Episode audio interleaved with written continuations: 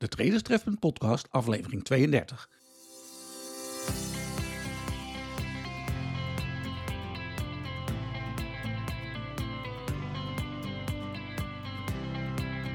Je luistert naar de Traders Trefpunt podcast. De podcast voor traders en actieve beleggers. Hier is uw host Marcel van Vliet.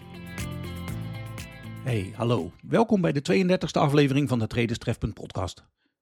Na de vorige aflevering ontving ik het volgende bericht via het mailadres info@traderstrefpunt.nl. Omdat de afzender vanwege zijn baas liever niet zijn naam in de podcast genoemd wilde hebben, noem ik hem voor het gemak Tim. Dat bek lekker weg. Tim schreef het volgende. Beste Marcel, sinds kort heb ik je podcast ontdekt op Spotify en ik heb er tot nu toe veel aan gehad. Nou, dankjewel. Ik ben mij sinds corona gaan verdiepen in het traden in crypto, dus ik ben nog een beginner. Soms hoor ik je praten over price action. Ik heb op het internet opgezocht wat het is, maar zou je eens in je podcast willen uitleggen hoe jij de price action gebruikt bij je trading? Alvast bedankt en succes verder met de podcast. Groeten, uh, Tim. Nou Tim, bij deze.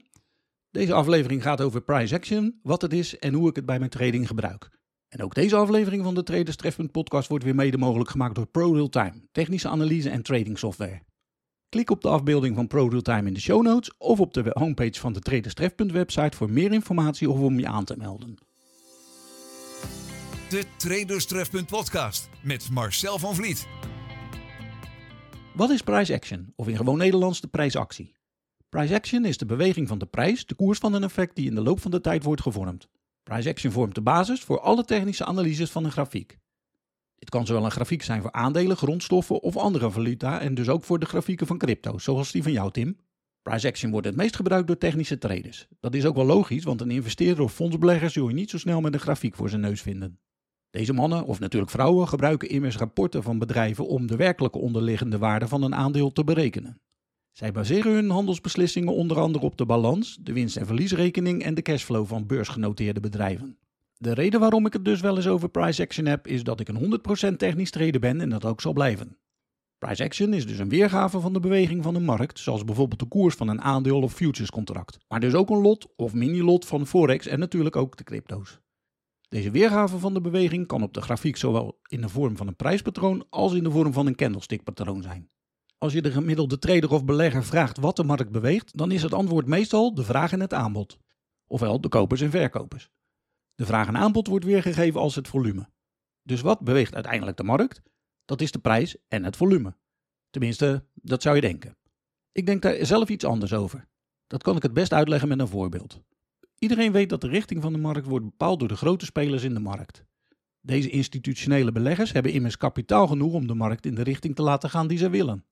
Wij als retail traders en particuliere beleggers doen er met ons handelskapitaaltje afgezet tegen de miljarden waarmee de grote jongens handelen echt niet toe. Daarom doen we dus verstandig aan om in de richting van de grote jongens mee te liften.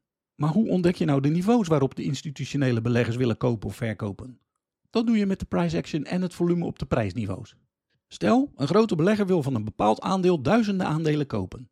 Dat kan hij niet ineens omdat er simpelweg niet voldoende aandelen te koop worden aangeboden om zijn orde te vullen. Hij splitst dan zijn meegeorder op in kleine porties en begint onopvallend de porties te kopen. Of natuurlijk te verkopen als hij juist een groot aantal wil verkopen. Maar dat spreekt voor zichzelf. In dit voorbeeld ga ik voor het gemak even uit van kooporders. Op de grafiek uit de actie met de kleine porties zich meestal in een zijwaartse beweging. Totdat er genoeg ruimte is om het restant te kopen voor de prijs die hij in gedachten had. Op zo'n moment zie je op de grafiek dat de prijs uit de trading range breekt en omhoog schiet.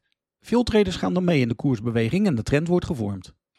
Op een gegeven moment zie je op de grafiek aan het formaat van de candles en het dalende volume, plus eventueel een zijwaartse beweging van de koers dat de trend aan zijn einde komt en de verkopers weer de overhand gaan krijgen. Dan kun je op basis van deze price action uitstappen of je stoplosorde zo dicht onder de laatste zijwaartse beweging zetten dat deze wordt gevuld als de koers daalt. Maar dat je in de trade blijft als de koers na de zijwaartse beweging toch weer verder stijgt. Zoals gezegd is de price action ook zichtbaar in candlestick patronen. Het verhaal is dat de candlestick, of eigenlijk de Japanese candlesticks, in de 17e eeuw werd ontwikkeld om de prijs van rijst weer te geven door de Japanse rijsthandelaar Menuhisa Homma. Dit verhaal moeten we maar voor waarheid aannemen, want de feiten zijn moeilijk meer te checken en tenslotte doet het er ook bij het traden niet zoveel toe. Wat wel een feit is, is dat Amerikaanse technisch analist Steve Nyssen de candle zoals wij die nu kennen bij ons in het Westen introduceerde. Hij deed dit met zijn boek Japanese Candlestick Charting Techniques, dat rond de eeuwwisseling werd uitgebracht en dat tot op de dag van vandaag nog als een van de standaardwerken voor de technische analisten wordt beschouwd. De candles geven de openingskoers, de slotkoers en de hoogste en laagste niveau voor een bepaalde tijd weer.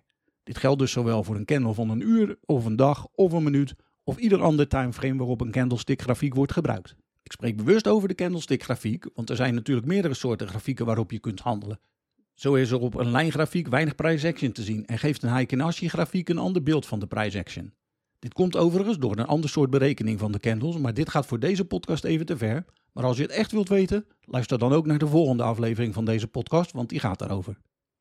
Het candlestick-patroon waar naar mijn mening de price action het best zichtbaar is, is het patroon dat het meest bekend is onder de naam pinbar candlestick. De pinbar kenmerkt zich door zijn kleine body en zijn lange staart. Dit is een duidelijke afwijzing, een zogenaamde rejection van het laagste of het hoogste koersniveau van de candle. Je ziet als het ware de prijs stijgen vanaf de open van de candle en op een gegeven moment zie je deze weer zakken tot in de buurt van een open om vervolgens weer te sluiten.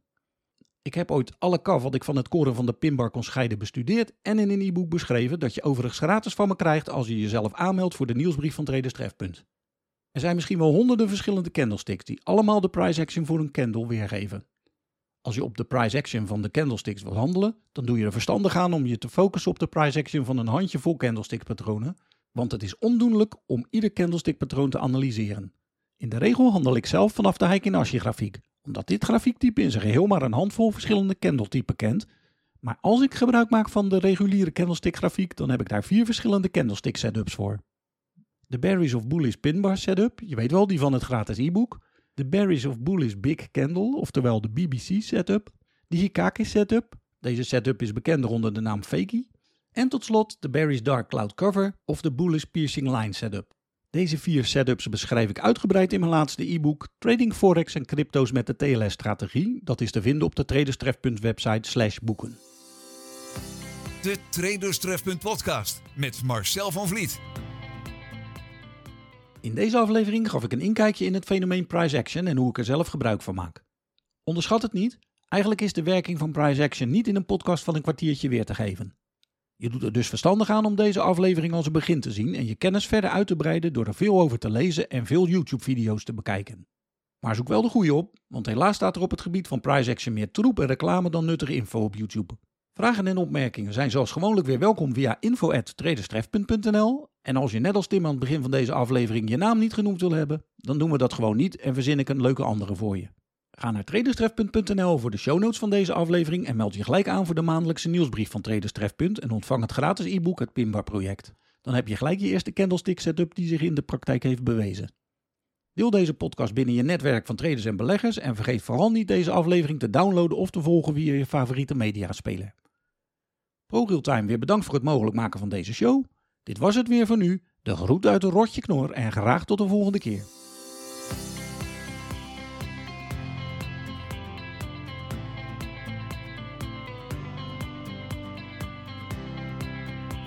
Je luisterde naar de Traders Trefpunt podcast. Kijk wat Traders Trefpunt voor jouw reis naar succes op de financiële markten kan betekenen op traderstrefpunt.nl.